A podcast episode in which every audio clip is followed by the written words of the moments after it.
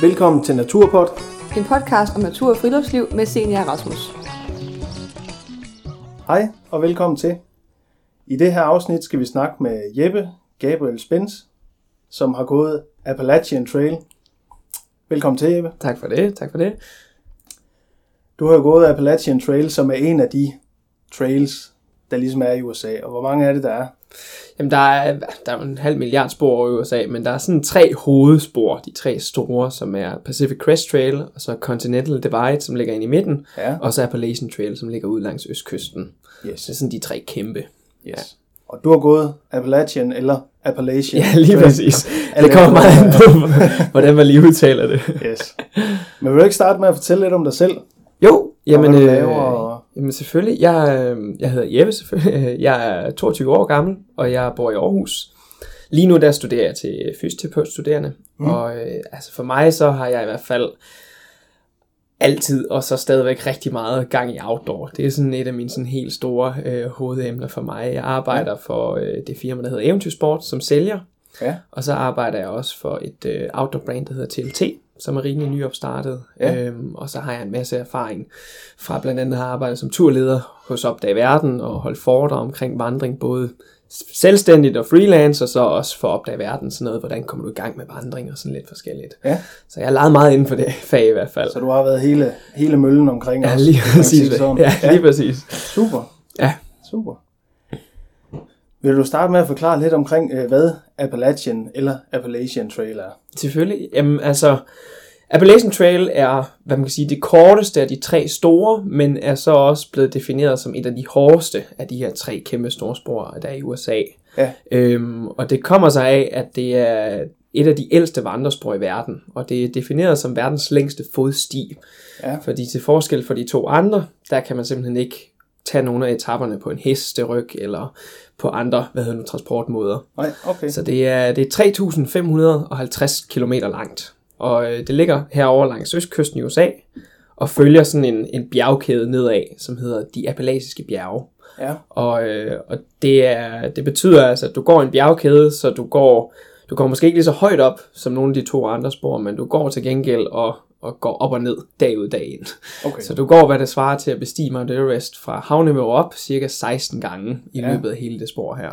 okay. Så der, der er nok til råbrødsmotorerne i hvert fald, Så der er- sin gåtur. Der er en grund til, at den er hård. Ja, den er ret hård. Ja. Øhm, og det er helt tilbage fra 1930'erne, at det er blevet lavet og blevet smækket sammen, og det, det, der er cirka 6.000 mennesker, der hvert år prøver at gå sporet øhm, fra okay. enten nede i nord og så op mod syd, eller op fra syd og ned mod nord. Ja.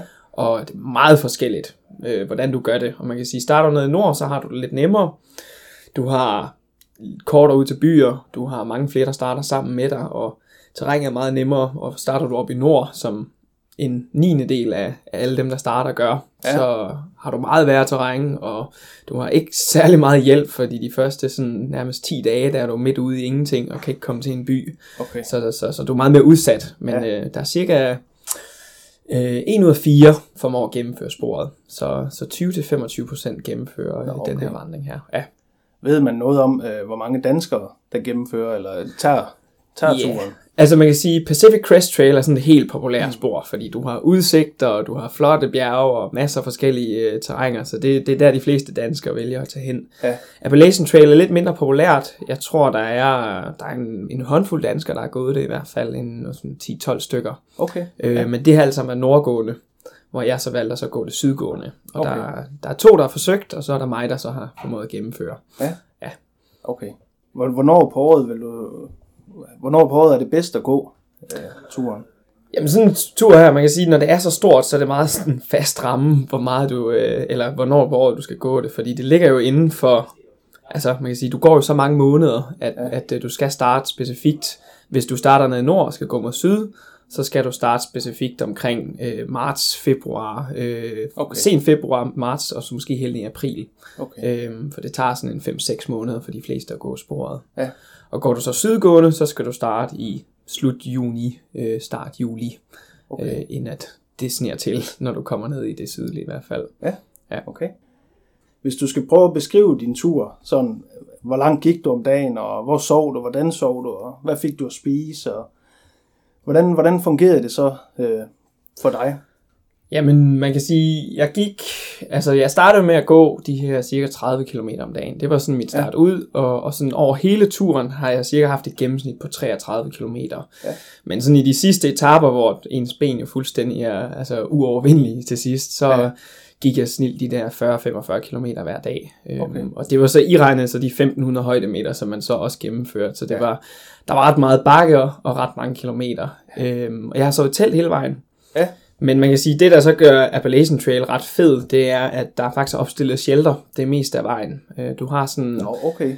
15-20 km mellem hver shelter. Ja.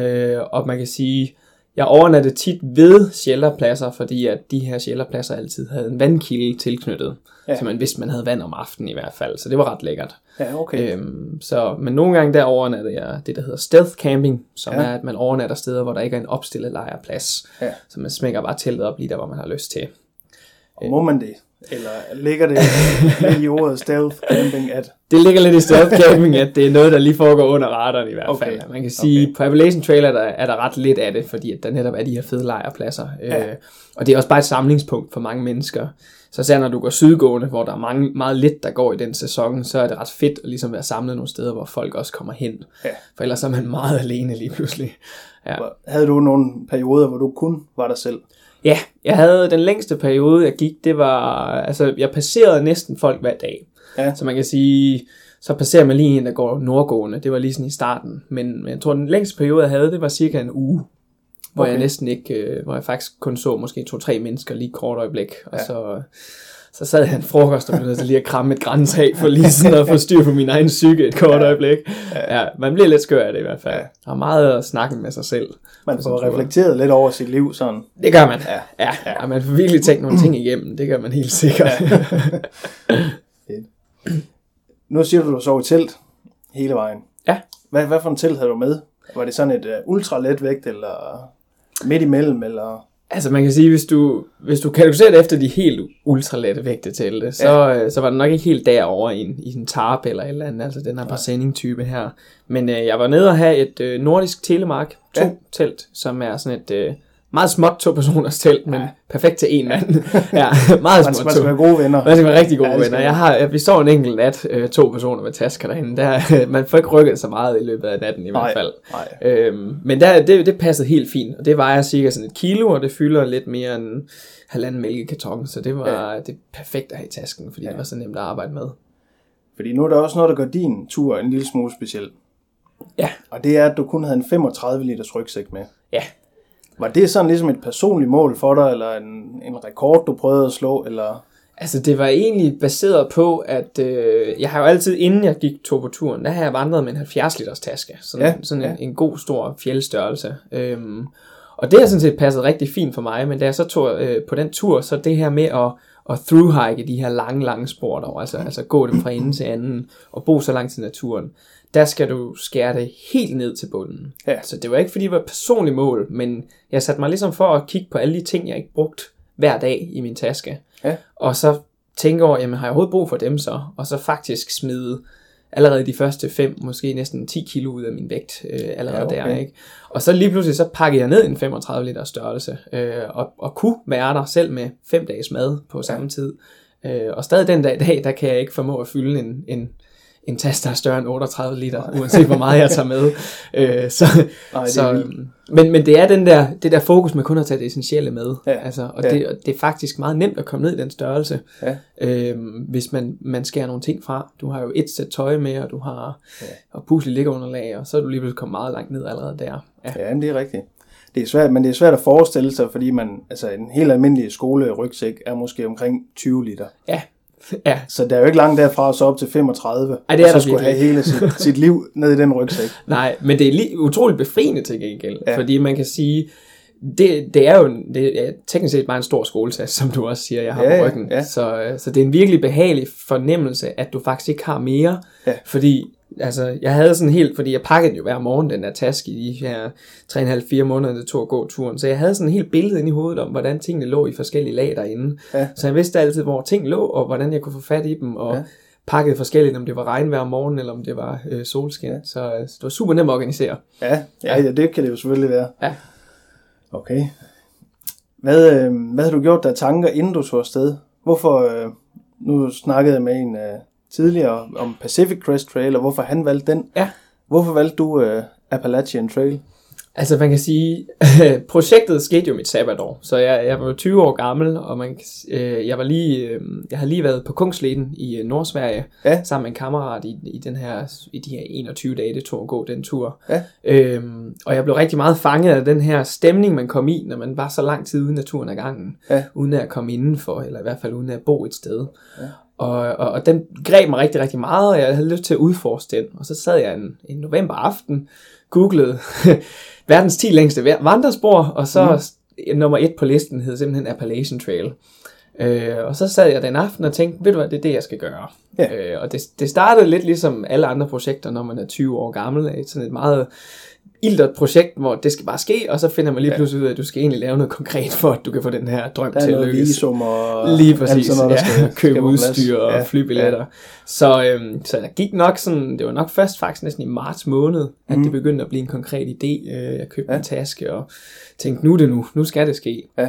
Øhm, så det var meget løst i starten, men det var stadigvæk hele tiden det der med, at, at det kunne være så fedt at prøve og bare afsætte næsten et halvt år i kalenderen til ja. at gå, øhm, og ikke have andet, der skulle tænke på end det. Ja. Og så se, hvordan man ligesom, i den alder, hvor jeg var, hvor- hvordan man kunne tænke sig selv til, hvem man ville være, og, og Ja. hvad man ville lave. Ikke? Så det var det, tanken var bagved. Ja. Ja. Ja. Så det var ikke sådan for at tage ud og finde dig selv som sådan, men mere sådan for at altså, have et halvt år, hvor man laver noget helt andet. Eller Jeg- hvad tænker du? Åh, ja, jeg tror faktisk, det var, det var den bundede meget i selvindsigt-turen i hvert fald. Ja, altså, det var meget det her med, fordi når du lige er kommet ud af gymnasiet, og du skal til for måske at komme på uni, eller, eller, eller tage et valg, hvad du vil lave derfra i hvert fald, mm. øhm, så bliver det jo tit sagt sådan, hvad vil du lave resten af dit liv? Det er sådan hovedoverskriften Ja. ja. på den tid. Og det er jo en super Det absurd ting. spørgsmål, man kan få. Ja, lige præcis. Det er meget absurd at få at vide en alder af 20, sådan, hvad har du lyst til at lave de næste jamen, 60 år? Ja. Øhm, så, så det var, det var ment som en selvindsigtsrejse, men man kan sige, at grunden til, at jeg for eksempel valgte Appalachian Trail over Pacific Crest, Ja. det var, at meget af det, jeg kom frem til, det var, at øh, Appalachian Trail var mere udfordrende, hvor Pacific Crest var meget mere naturskøn, Okay. okay. øh, og meget flottere og meget mere varieret natur. Øh, og, og jeg er den type, der når jeg bliver udfordret i noget, og bliver presset til mit yderste, som man selvfølgelig gør på begge spor, men øh, når jeg bliver udfordret derud til, så synes jeg tit, jeg lærer noget om mig selv. Ja, det er det, naturen ja. kan rigtig meget. Det er, man er drivvåd, og det er regnet hele dagen, og du er gennemblødt fra top til tå, og du skal til at sætte dit telt op, og du har næsten ikke nok mad. Nej. Så er det der, man ligesom indser, godt, det her det er min grænse, men, øh, men jeg kan ja. godt presse mig lidt længere end det. Ja. Så lærer man noget. Så det var det, jeg søgte, og det var derfor, jeg tog uh, Appalachian Trail i hvert fald. Ja, okay. Ja. Hvad var dit, øh, hvad var dit budget for turen? Hvad havde du gjort der sådan en overvejelse med, du siger selv, der skal købes en masse udstyr, Ja. og der er også en masse mad jo, og man, er måske Ja. også, man har måske en lejlighed, man skal af med, eller... Ja, altså man kan sige, det heldige ved at, at være på sit sabbatår, det er, at man stadig har nogle søde forældre, man kan bo hjemme med. Ja. Øh, så den, den økonomiske øh, gene, den øh, kunne jeg heldigvis danse let udenom. Ja. Øhm, men jeg lagde et budget, der hed cirka, jeg tror jeg sagde 40.000 for hele turen. Okay. Og det var så med udstyr og, og hvad hedder det nu, øhm, flybilletter og det hele. Ja. Øh, og så sparede jeg selvfølgelig det dobbelte op, for at være helt sikker på at have den buffer der. Øh, men faktisk, da jeg kom hjem og fraregnede udstyr, så havde jeg kun brugt 30.000 kroner på hele turen. Nå, okay. Øh, så jeg satte mig et budget, der hed 100 kroner om dagen. Ja. Øh, og det skulle gå til mad, og det skulle gå til hostels overnatninger, når de nu dukkede op en gang imellem. Ja. Øhm, og så skulle det ligesom akkumulere sig til at være 100 kroner om dagen på hele turen. Mm. Og det holdt jeg faktisk ret fint. Øhm, jeg tror, jeg var så også meget heldig, at jeg, jeg arbejdede for Eventyrsport, så jeg havde nogle kontakter igennem der, øh, der kunne sætte mig sammen med sådan nogen som Nordisk for eksempel, eller Hagløf, så jeg kunne få en, fik en lille smule udstyr sponsoreret også, hvilket Ja. hjalp ret meget i budgettet i hvert fald, øhm, at få åbnet op den vej igennem. Øhm, så jeg var meget heldig med at støtte, øh, men, men cirka de her 30-40.000 kroner var nok det, jeg afsat. Ja. Fordi hvis man ikke ved det, så koster sådan en telemark selv, det koster jo hurtigt 4.000 Det kroner. koster mange penge, ja. Øhm, så, så det, men det kan måske være værd at overveje til andre, der også vil afsted. Ja. Man kan måske søge nogle sponsorater Ja. eller et eller andet. Det, altså det, det, man kan sige, hvis man, hvis man gør det på en ordentlig måde, og, og, og ligesom får, får prøvet at sprede sit budskab ud. Jeg, jeg synes, man skal i hvert fald altid tænke ind, at hvis du får sponsoreret udstyr, så skal du også altså, tænke det ind i din tur, for så Ja. ja. laver du ikke kun turen for dig selv. Så er du jo Øh, reklame. det er du netop, ja, Altså, så- det bliver jo influencer. Ja, lige præcis. Øhm. Og så, så skal man lige tænke lidt mere over de billeder, man slår op, og, og de Ja. ting, man, øh, man bliver ved med at poste. Og så er der lidt mere pres for os at poste, kan man sige. Ja. Øhm, ikke fra dem, men fra en selv også, for man vil jo gerne vise, at man er fed og sponsorere. Men, så altså, det er lidt forskelligt, men det, det hjælper rigtig meget økonomisk i hvert fald, Ja. øh, at, at få hjælp den vej igennem. Men det er selvfølgelig en god overvejelse, det der med, om man, altså, om man vil, vil give det. Ja. Altså, gider Ja. at tænke det ind i sine tanker, når man tager billederne Ja. og, og er afsted på turen, eller om man bare vil nyde det. Ja, Altså, og det er nemlig det der med, hvorfor man går den. For der er også mange, der skriver artikler for eksterne bureauer, og der er Ja. blandt andet den her hjemmeside, The Trek, som laver rigtig, rigtig meget fra de her tre store spor, og hele Ja. tiden henter øh, korrespondenter ind, øh, som går turene. Og det, det er der rigtig mange, der gør. Og der kan man sige, der bruger de meget af tiden på at sidde og skrive artikler til dem, øh, og så måske ikke så meget på ligesom at nyde turen for dem selv. nej. Nej. Nej, det skal man selvfølgelig tage med i sine overvejelser. Ja. Hvad, øh, hvad gjorde du der tanker sådan med hensyn til familie og venner? Og, øh, havde du, øh, hvor godt havde du ligesom sådan involveret dem i, i. proces? Altså, jeg tror, jeg havde involveret dem lige så meget, som jeg selv havde information om, hvad det var, jeg hoppede ud i. Ja. Fordi øh, jeg tror, det gik mere op for mig, efter jeg var startet på turen, hvor stort et projekt det var, inden jeg startede på turen. Ja. Øh, jeg, jeg havde lidt i hovedet sådan, om 3.500 km, det kan jo være en, en go-tur på så og så lang tid. Det kan umuligt være så slemt. Ja. Øh, det var lidt en chokoplevelse at finde ud af, at det kunne være så slemt faktisk. Ja. Øhm, jeg tror, øh, jeg tror at den, den værste var nok, at jeg havde en kæreste på det tidspunkt, øhm, som vi så ligesom skulle udarbejde, hvordan den her aftale skulle fungere. Ja. Øhm, og vi valgte så at lægge det på is, indtil at, at jeg så kom hjem. Okay. Øhm, og så var der min mor, som nok var, var lidt bekymret for, om jeg nu skulle gå hen og dø her i udlandet, det, det var ikke Det lige... upraktisk. det er super upraktisk at komme, ikke komme hjem fra en ferie i hvert fald. Ja. Øhm, så jeg, jeg, jeg lavede et løfte til hende, inden jeg tog afsted, og det var simpelthen, at øh, jeg ville lade være med at dø. Ja. Øh, og det Fornuftigt. Lige præcis, ja. Det, så, så blev hun, fik hun lidt ro i sjælen i hvert fald, Ja. ja. øh, uanset hvor meget det var i min kontrol. Men det er bundet meget i at sige det her, jamen, hvis jeg nu står i en situation, hvor der er nogle farlige konsekvenser ved den, så skulle jeg altid tage det tilbagelændet valg i hvert fald, og altid sige, jamen så trækker jeg mig tilbage, og så kan jeg altid nå det på et andet tidspunkt. Så, Ja. ja. så, så du er altid med at have den i baghovedet i hvert fald. Du skal ikke dø på tur. Altså. Ingen grund til at sende nogle billeder, hvor der sådan Lige er opstået en farlig Står situation. ude over en klippekant. Og... ja. Okay. Ja, nu ved jeg, det er sådan på mange af de der øh, langdistancevandringer, ja. at man får et trail name. Ja. Og så har jeg ladet mig fortælle, at trail namet stammer fra Appalachian Trail, ja. og Ja. ligesom så bare er videreført. Ja, lige præcis. Til de andre. Det, det rykker med over. Ja. Ja. Hvad, øh, hvad var dit? og hvordan det? Altså, jeg mit- kender jo godt historien. ja, du kender det med godt historien. Og altså, mit trail name, det var Nature Boy. Ja. Ja. Og, øhm, og det virker jo meget uskyldigt. Øh, man kan sige, trail name fik jeg, øh, det var min anden dag på sporet. Og jeg havde sådan set kaldt mig AM, inden jeg tog afsted, og var sådan, det var et ret fedt trail name, AM, Ja. og, og, og det var det, der skulle køre. Så min anden dag på sporet, så var det den 21. juni. Og, og, og hvis man ikke ved det, så er den 21. juni, det er solværvsdag, og det bliver kaldt, i hvert fald på mange af de spor, der er international nøgenvandringsdag. Yes. Øh, og på et givet tidspunkt, der befandt jeg mig i øh, Maine, oppe i et sted, der hedder The 100 Mile Wilderness Ja. hvor du simpelthen set er afskåret fra alt og alle øh, i 170 km. Øh, og jeg havde ikke mødt nogen mennesker næsten hele dagen. Jeg havde passeret en enkelt fyr, og så sidder jeg og slapper af om aftenen, og han kommer så ind, og han er i underbukser. Og det her område er meget myggebefængt. Altså, vi snakker, du har en sky, der følger dig overalt. Ja. Øh, og og jeg, så jeg forstod ikke, hvorfor han var i underbukser. Jeg spørger ham så, og han siger, jamen det er nøgendag i dag. Det er international nøgenvandringsdag. øh, og, og det, jeg ryster lidt af hovedet på ham og siger, okay, og, og går så videre de sidste 8 km til min lejrplads. Og jeg, kommer, jeg går de første 20 minutter, og så der er ingen mennesker. Mm. Så jeg tænker, ved du hvad, det skal prøves. Jeg er udlænding i et nyt land, jeg skal prøve traditionerne og kulturen herovre. Ja. Øh, så jeg smider alt mit tøj af, og tager øh, sandaler på også, for virkelig sådan at, at sætte det i æsset, mm. og øh, forvandler videre. Og der går fem minutter, og så drejer jeg rundt om et hjørne, og går lige ind i et par, der er også ude på det her tur her. Og, og de er meget chokeret. Øh, vi siger faktisk ikke noget til hinanden, fordi vi er så chokeret over at støde ind, øh, og at jeg ikke har noget tøj på, så jeg går bare lige, altså lige ind imellem dem, og passerer forbi dem, og fortsætter, uden at sige noget til dem. Og så kommer jeg i lejr, og der sidder så tre andre mennesker, som er lige så chokeret. Øhm, og jeg sætter mig ned, og i den her periode, der har jeg en ret dårlig, øh, hvad hedder det nu, øh, resupply øh, mad, hvad hedder det nu, opfyldning, så jeg sidder og drikker olivenolie øh, til aftensmad der.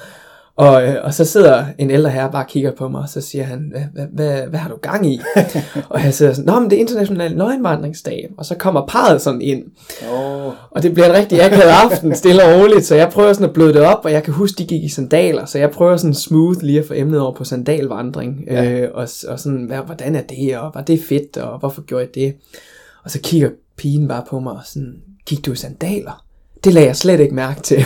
Så hun har bare set min hvide danske numse, der var fortsat ind igennem skoven. Der været andet Og-. Absolut intet andet end det. Ja. Ja. Så, øh, så så blev vi enige om Nature Boy, den passede rigtig, rigtig fint Ja. ja. på mig. Og, Den og, er, den er også meget rammende. den er meget rammende, Ja. ja. ja. Og den, den har været meget fin, fordi hvis folk ikke har spurgt om historien, så har den været meget øh, hvad hedder, sober i hvert fald. Ja. Ja. Øh, men historien har også været meget sjov rundt om lejrebål, lige at få den med i hvert fald. Ja. Ja. Den, øh, den fænger hver gang. Ja. Nå, ja. Det er fint. Nu siger du, du gik i sandaler på det stykke der. ja. Hvad vil du, øh, hvad gik du i, og hvad vil du, må, hvad vil du anbefale folk at gå i? Ja. Øh, sandaler, sko eller støvler?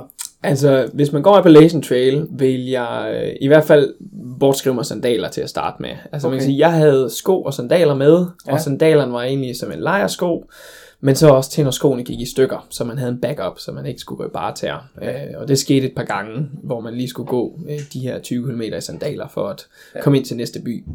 Øhm, øh, man kan sige, på de her rigtig, rigtig lange spor, jeg havde et par øh, øh, Mobe Ventilators fra Meral på, som var sådan nogle øh, ikke vandtætte, ret luftige øh, lædersko med en kæmpe stor sål. Øhm, og, og det fungerede rigtig, rigtig godt for mig, for de varede ikke særlig meget. De havde en sål, der kunne tage rigtig meget slid, som de her sko jo gør. Jeg sled ja. igennem fire par sko på turen i hvert fald. Øhm, og, og Øh, men man kan sige, valget mellem at tage en støvle eller en sko, der vil jeg næsten altid anbefale en sko til så lang en tur. Okay. Og det er simpelthen, man kan starte ud med en støvle, men du vil altid gå over en sko til sidst. Ja. Fordi at en, en støvle er bare det er tungere, og man kan sige, du, du får jo trænet dine ankler uanset hvad på sådan en tur. Ja.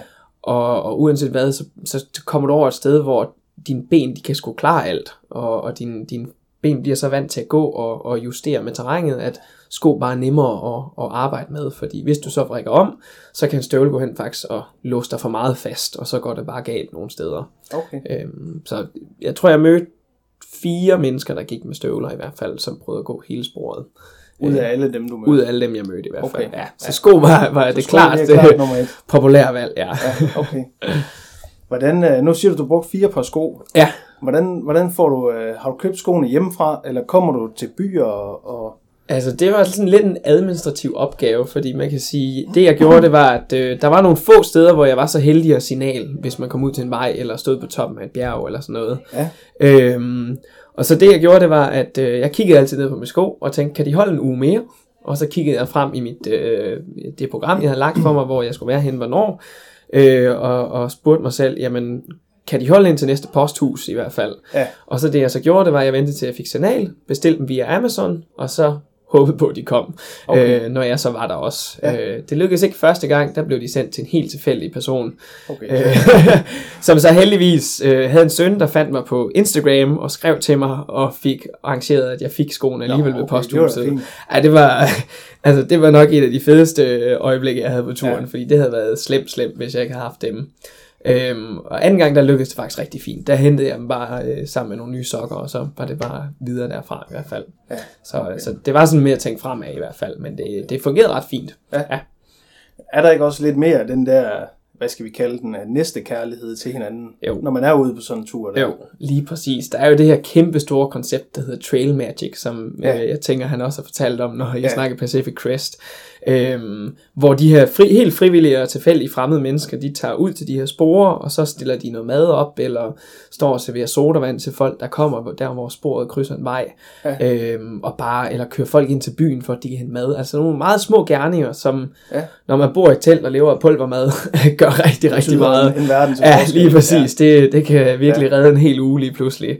Øhm, så, men den der næstkærlighed, der er bare en, en venlighed derude. Fordi især de folk også, du møder, som ligesom går turen, alle har det samme mål. Ja. Så man kan sige, det, alle har ligesom den her ens drøm om, hvad de gerne vil op, opnå. Og det gør bare, at, at der er en forståelse. Øh, Mm. Så hvis du sidder, og, og der er noget gået galt, du ikke har nok mad, så selvom folk kun lige har rationeret sig det, de har, så får man stadigvæk en, en chokoladebar, eller et eller andet, eller en snackbar, Ja. ja. eller, eller en, en bid af aftensmad, eller sådan noget, hvis man sidder og ser lidt trist ud. Så der er, og man bliver hjulpet med i det i hvert fald. Så der Ja, er ja. et kæmpe stort fællesskab omkring det. Ja. Ja. Fedt. Hvad var det, det hårdeste, eller det, det værste, du oplevede på turen? Jamen, altså det hårdeste, det, det er nok sådan en, en del førsteplads i hvert fald. For jeg tror, jeg vil dele op i sådan tre sektioner. Øhm, fordi den første uge vil jeg kategorisere som den hårdeste i mit liv. Altså, Okay. eller i hvert fald en af dem. Øh, for jeg var lige startet, og man kan sige, at min krop var ikke vendet sig til at gå det her øh, terræn. Og, og nu har jeg valgt at gå det sydgående, øh, fra nord til syd, hvilket bare er altså den, den mest anstrengende måde, du kan gøre det på. Okay. Din allerførste dag, der bestiger du det sværeste bjerg på hele sporet. Øh, Det er der, du starter. Og så er de, de løbende... Også ja, lige præcis. Det er sådan meget Ja. en ilddåb. Ja. Ja. Og så når du kommer ned fra det bjerg der, så øhm, er de næste 170 km øh, simpelthen et wilderness. Og det er den længste strækning på hele sporet, hvor du ikke kan komme ud. Øh, Okay. medmindre du skal hentes med en, med en helikopter. Øh, så, så når man lige er kommet ind i det, og, og man som mig ikke vidste, hvad for noget mad man skulle købe, så er det rigtig, rigtig slemt, fordi det her område er tæt bevokset, der er kun den her lille 30 cm brede sti, der er så mange myg, at folk simpelthen gik hen og blev dehydreret, fordi de ikke kunne nå at stoppe og drikke vand, fordi de simpelthen bare blev jagtet videre. Ja, Øhm, okay.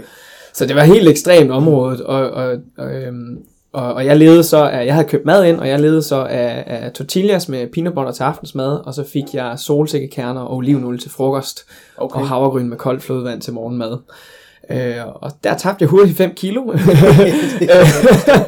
For jeg gik 30 km om dagen, øh, og det endte med, at min, min ben havde simpelthen så ondt, jeg skulle tage smertestillende for at sove på grund af mælkesyre. Fik du kun det at spise hele den første uge der? Ja, lige præcis. Det var det, jeg Shit, levede af. mand. Så, så, så det gjorde så, at min mentalitet var så langt ude, at jeg allerede dag 3 faktisk satte mig ned og, og gav fuldstændig op på hele projektet. Jeg sagde Okay. til mig selv, at jeg har fire dage nu, inden jeg kan komme ud, men jeg kan ikke mere. Nej, Øh, så du havde egentlig besluttet dig for at give op? Jeg havde faktisk besluttet mig på dag 3. Ja. Jeg havde Ja, forberedt okay. mig en halv år på hele projektet, og så dag 3 havde jeg givet Ja. op på det.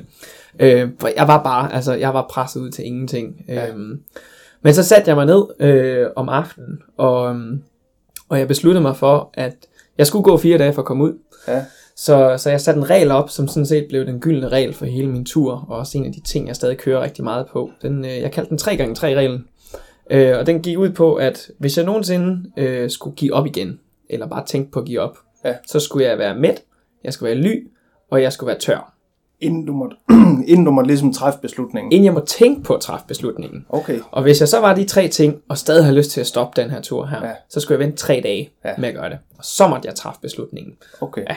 Og det var sådan, altså det var hovedreglen i hvert Det fald. er faktisk en god regel at give videre, fordi det er tit der, når man er træt, eller man er sulten, eller man er våd og kold, ikke Ja. også?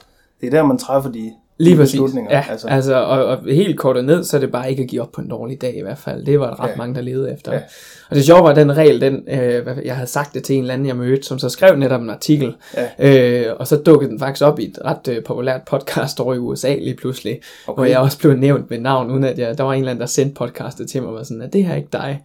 Ja. øhm, så det blev sådan, det var, det var sådan ret definerende for min tur, at den der regel, det var sådan det eneste, der ligesom talte for mig. Ja. Øh, og det leder mig så videre til sektion 2, hvor at, øh, jeg, havde, øh, jeg havde fået skinnebensbetændelse. Ja. Rigtig, rigtig grotesk, hvor at, øh, jeg havde begyndt at få øh, nogle krystaller nede, i min, nede omkring ankelledet, som gjorde, at øh, du kunne høre en skraben inden fra, inden fra skinnebenet, hver gang Når jeg vippede gik. foden. Når jeg, hver gang jeg vippede den, så... Så det var svært at gå 30 km om dagen, Ja. ja. med, øh, så jeg besluttede mig for at humpe i stedet for. Ja. Øhm, og det gik rigtig fint. Jeg kom faktisk 200 km, inden at øh, mit ben brød fuldstændig sammen. Ja, okay. Jeg røg af sporet to dage, og fik restitueret, og fik fundet en, der så kunne hjælpe mig med at komme tilbage, og begynde at gå lidt med mig, og sætte farten lidt ned. Ja. Øhm, så min krop var allerede der fuldstændig ødelagt. Øh, og så gik der en dag, og så begyndte jeg at blive træt, og få øh, hvad hedder det, hovedpine, og, og, og blive varm, og, og en masse symptomer, som simpelthen ledte mig hen til at i også det her med, at jeg havde haft en flåt på foden fem dage forinden, at jeg havde fået borrelia-symptomer. Nå. Så jeg var lige kommet ud for to uger, hvor jeg havde slæbt mig igennem med skinnebensbetændelse, og nu har jeg så fået borrelia. øh, og jeg sidder stadig uden skov, hvor det er simpelthen, altså når du ikke har signal, så er det ret svært at finde et hospital og komme ind, fordi Ja, ja, det skal du behandles for rimelig hurtigt. Hvor langt var der ind til nærmeste by? Øh, jeg tror, jeg havde fem dage på det tidspunkt ind til Okay. nærmeste by, faktisk. Ja. Øhm, eller i hvert fald nærmeste by, som ville have et hospital. Ja. Ja. Øh, jeg tror, Ja. der var tre dage til en tankstation eller sådan noget. Okay. Øhm, men så sidder jeg ude i en, en lille bitte forladt hytte sammen med hende, jeg går med, og, og vi møder så en tredje person, som hedder Scout, som jeg Ja. ja. måske faktisk tror, at... Øh, Jeg tror, Mikkel ja, han har ja, nævnt Mikkel han har nævnt det. Ja, ja. Øh, han var i gang med at gå den det tredje af de tre lange spor derovre, øh, Ja. og ham møder jeg så i den her hytte, kæmpe legende i USA. Og han havde antibiotikapiller med sig, Nå, som er det, man skal tage, når man kommer ind på hospital. Så, så det fik jeg simpelthen en tur af, og var, ja. og var faktisk ret frisk inden for ingen tid. Øhm, Okay. og kom videre derfra. Så det var så den anden. Og så den tredje, det var, da jeg kom ned i det sydlige, den sidste etape af min tur, der øhm, begyndte orkansæsonen. Ja. Så når du går sydgående på Appalachian Trail, der øh, får du simpelthen en masse orkaner i hovedet til sidst. Okay. Øh, ned, ned omkring Georgia og Virginia. Øh, og det er ikke sjovt at være uden skov, når der er orkaner. Nej. Øhm, og, men problemet er, at når man er derude, så kan du heller ikke bare sidde inde i et shelter, fordi at hvis der falder træ ned over shelter, så er du lidt også øh, en gunner, Ja. som vi siger. Så du er nødt til at være på vagt hele tiden. Du bliver nødt til at være rigtig meget Ja. ja. på vagt. Og jeg blev så fanget i den orkan, der hedder Irma, som Ja. ja. var en ret, øh, et af de voldsomste orkaner i USA's historie. Øh, der blev jeg fanget i en skov midt i Virginia, øh, hvor jeg blev nødt Okay. til at gå igennem øh, 28 km. Så jeg har haft sådan tre rimelig vidt forskellige, virkelig, virkelig slemme tidspunkter øh, Ja, på det må turen. man sige. Ja. Nå. Hvis vi ser bort fra alle de der slemme ting, Ja. og alle de ting, der er rigtig hårde, hvad var så det bedste på turen? Hvis du sådan skal prøve at komme med, med et eller to Ja. eksempler, Ja. konkrete eksempler, hvor du tænkte, det her, det er det hele værd, eller Ja. det er bare, det er toppen det her. det sjove ved turen var jo, at altså, når, når du thru-hiker på så langt et spor, så, så oplever du næsten flere dårlige ting, end du oplever gode, men det, at der er så meget, der ligesom presser dig, og, Ja. og, og, og, og du er så mentalt presset konstant, det gør bare, at de gode øjeblikke simpelthen bare altså, lyser fuldstændig frem. Ja. Jeg tror, den bedste dag, jeg havde, øh, det var en dag, hvor jeg stået op øh, og havde gået lidt, og så var jeg kommet ud til en lille landevej, hvor der lå nogle hus, før jeg skulle op til den næste, hvad hedder det nu, øh, det næste bjerg, jeg ligesom skulle videre på. Ja. Og, øh, og der sidder der en mand ude på en veranda, øh, han råber så over til mig og spørger, hvad hvem, hvem jeg er, og jeg siger, er thru-hiker, og jeg kommer fra Danmark, og så kejler han helt op, og sådan, Danmark siger du, det er Europa, Jamen, kom lige op på terrassen her, og. Ja. så sætter jeg mig ned, og kommer konen ud med æg og, og bacon og, og bønner til mig, og når du lever af pulvermad, så er det som sagt det noget af konge. det bedste, du kan komme i I nærheden forhold af. til det, det solsikke Ja, åh, ej, det var bare en drøm, der gik i opfyldelse. Og så sidder vi og snakker lidt, og han har været i Vietnamkrigen, og vi snakker om hans liv, og hvordan den her tur, den ændrer mig, og, og alt det her, jeg får lov til at møde hans barnebarn, og, og alt muligt. Og så, så siger jeg farvel på et tidspunkt, og går lidt videre. Og går fem minutter, og så er der en, en nordgående thru-hiker, der passerer mig, og hiver lige fat i mig, og siger, Øhm, der er den her bro, hvor det er en, en motorvejsbro, som er over en å, hvor Ja. det er en tradition at hoppe ned i den, men hun tørte så ikke gøre det selv. Så hun spurgte mig, om jeg havde lyst til at være med til det. Øh, og på det tidspunkt, jeg stod op klokken 7, og klokken er nu 8, øh, sidder og snakker en time med ham manden der, og så hopper vi ud fra den her bro sammen, øh, ned den her, i det her vand, og så siger vi farvel. Og altså, så i løbet af den første halvanden time efter jeg var stået op om morgenen, der havde jeg allerede haft en god snak om livet, og en god morgenmad, og jeg havde hoppet ud fra en bro med en komplet fremmed person, Så kan dagen kun blive god. så kan dagen Altså, bare blive god. ja. Og det var bare sådan, det var sådan indbegrebet af sådan spor for mig. Det var det der med, du møder kun folk 5-10 minutter eller et kvarter, ja. men du lærer dem bare at kende på en helt anden måde. Fordi ja. at alt, hvad der hedder jobtitler, og hvor er du henne i livet, og hvad laver du, og hvad hedder du, det er bare strippet fuldstændig væk. Så, det, er- det er fuldstændig underordnet, hvad Ja. ja. Ja, det, så det, gør, det giver plads til noget andet i hvert fald. Ja. ja. Er der nogle ting, du ville have gjort anderledes på turen? Hvis du nu sådan kunne, uh, kunne gøre noget om Ja. igen.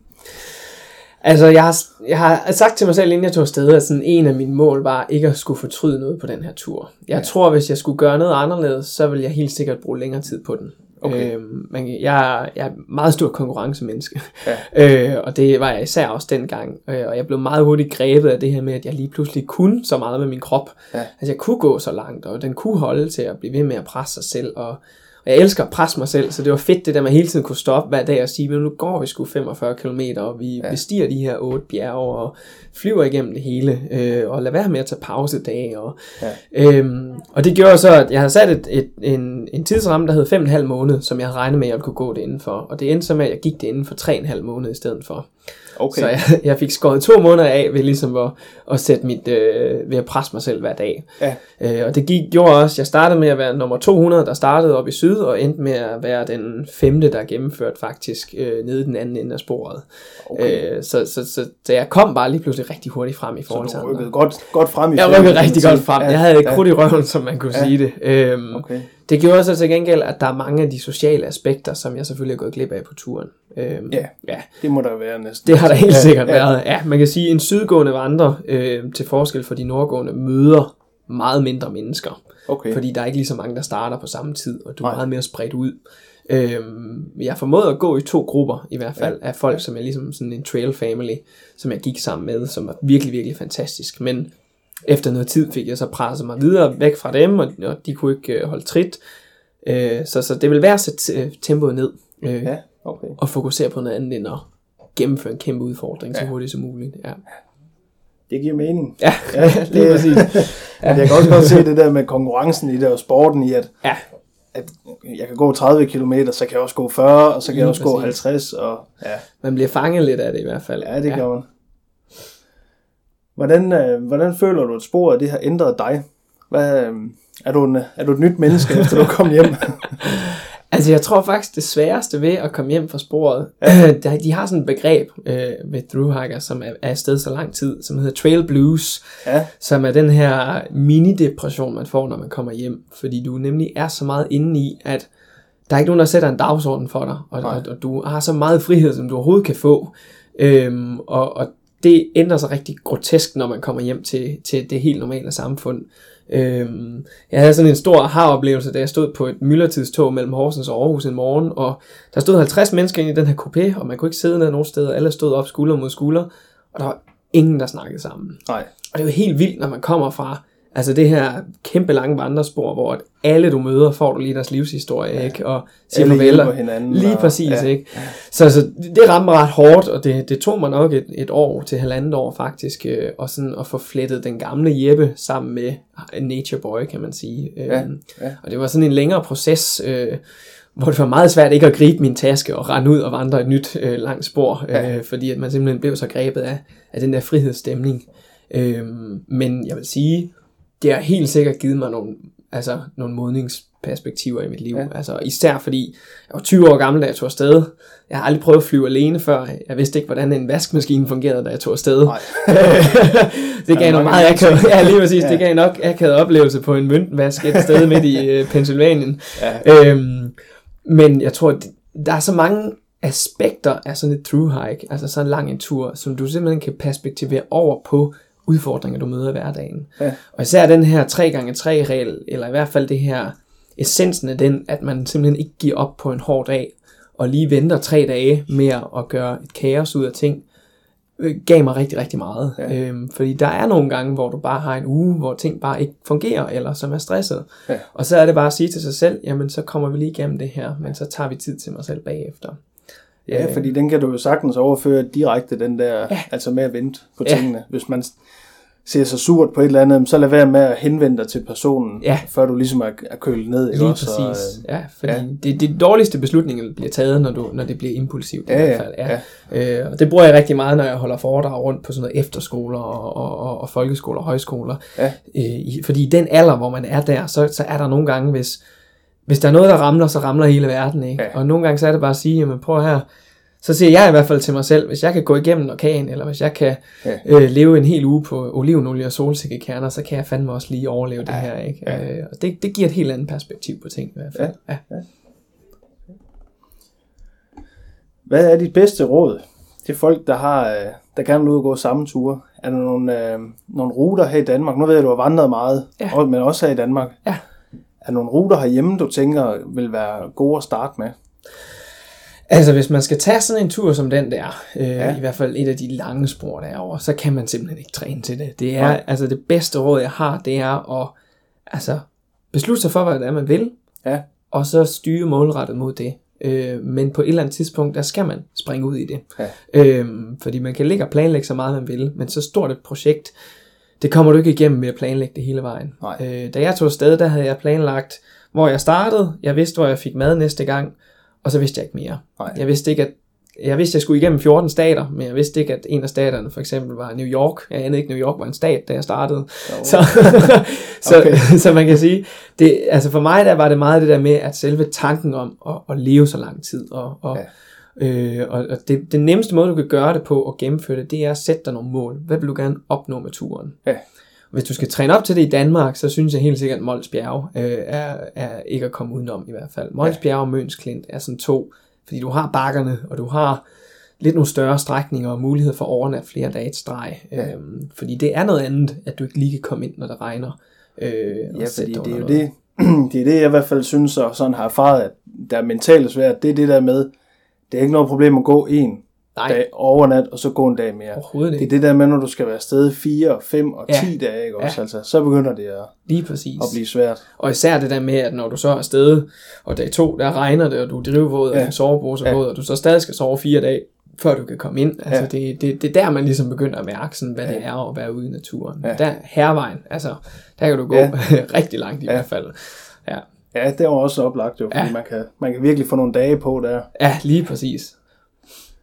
Hvad øh, et generelt råd så til dem, der gerne vil? Øh, er det bare at kaste sig ud i det? Og, Ja, altså som jeg vil sige det, så er det, øh, sæt dig et generelt mål. Hvad vil du gerne opnå? Ja. Øh, er det en selvindsigt, som du siger, rejse?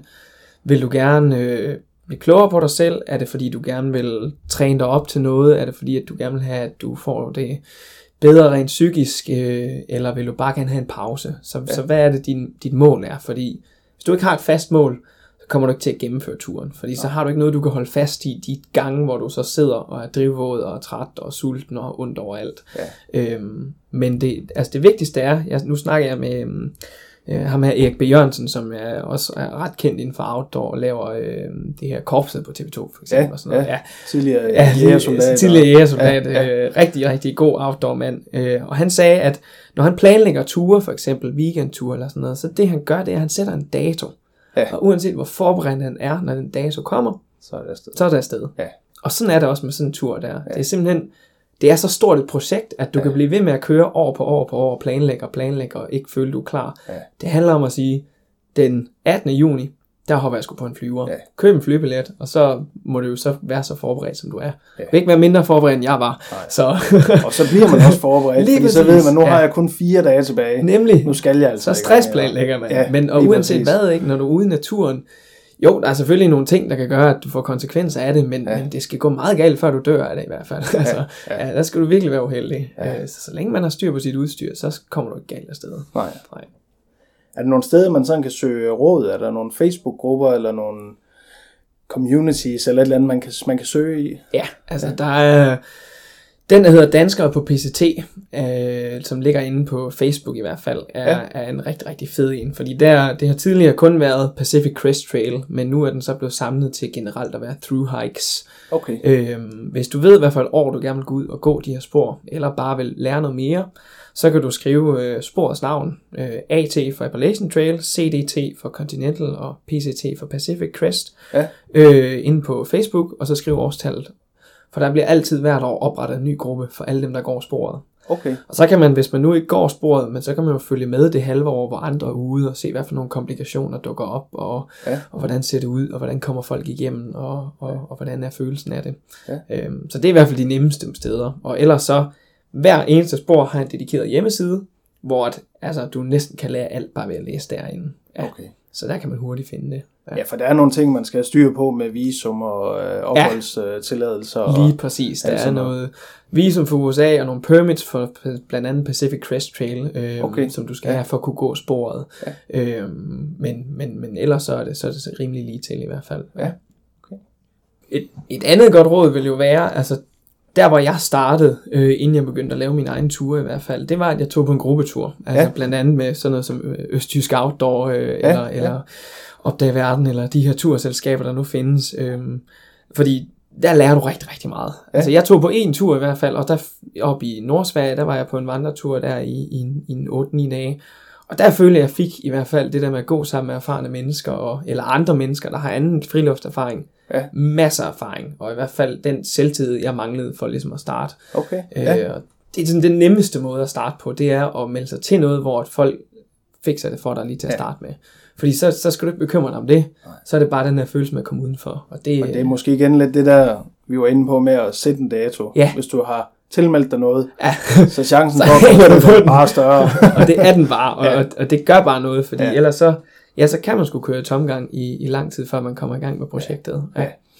Ja, der kan godt være langt nogle gange fra, fra idé til, til handling, Ja, når det det kommer kan til der. sådan noget her. Og der er det bare nemt at melde sig til noget, hvor der andre også er med, fordi så føler man sig lidt forpligtet til også at, Ja. at dukke op, og så, så kommer det altså flydende derfra. Ja. Øh, Så går det meget hurtigt. Det ja. gjorde det i hvert fald for mig. Ja, og man får også skabt sig en eller anden form for, for netværk, altså Ja. inden for den der... Lige præcis. Og så er der måske nogen, man møder på den tur der, som inviterer en ud på en anden tur et sted. Eller, Ja, ja. Jeg kender i hvert fald to øh, kvinder, som, jeg, som var på den tur, som aldrig har mødt hinanden før. Ja. En fra Esbjerg, en fra København, og de er simpelthen bare altså, bedste veninder nu til dags, hvor Ja, ja, de, altså, ja. så tager de på en tur hver år, ikke?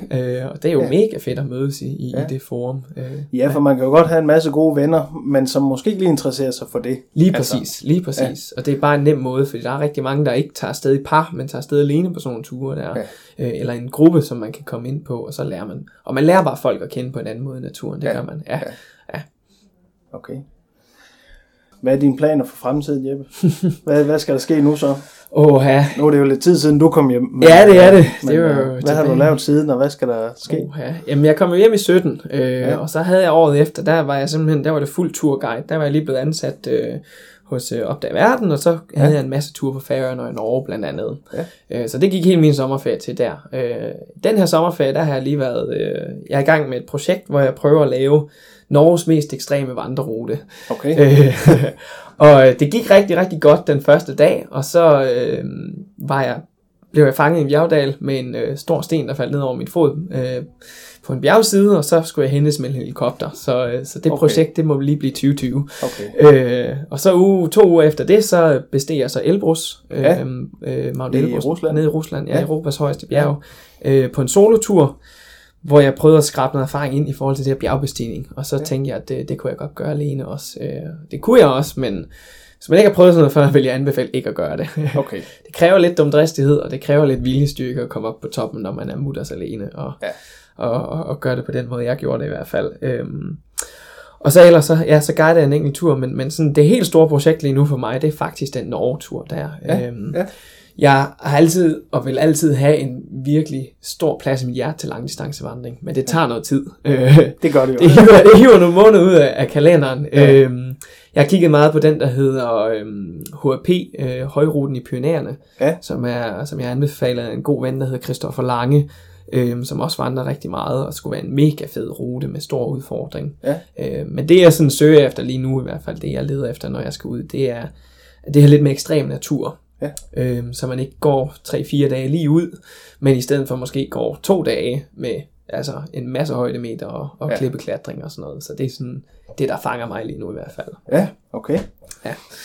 Så lidt mere over ekstrem vandring og bjergbestigning har jeg tænkt mig at bevæge mig Ja, i hvert fald. ja. Ja.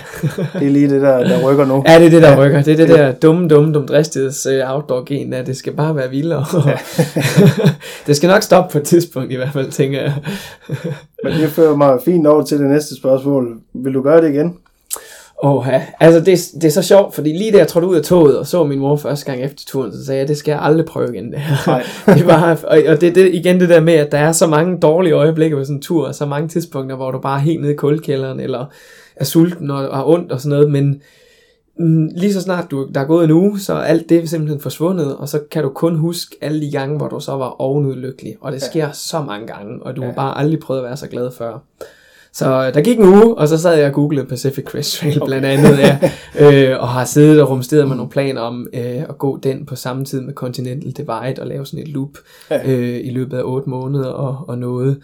Øh, så det er ingen hemmelighed, jeg helt sikkert kommer til at gå det igen. Okay. Den livslange drøm er at gå dem alle tre. Øh, ja. Helt sikkert, øh, uden tvivl, fordi det kan bare noget. Altså, Det er også lidt sådan en, en trilogi, man Ja, så lige kan, kan lige af. præcis. ikke også? Ja. Du får jo den Ja. ja. fornemme titel som Triple Crowner, hvis du går dem alle sammen. Nå, gør man så, det? Ja, lige præcis. Okay. Det, er, Ja. ja.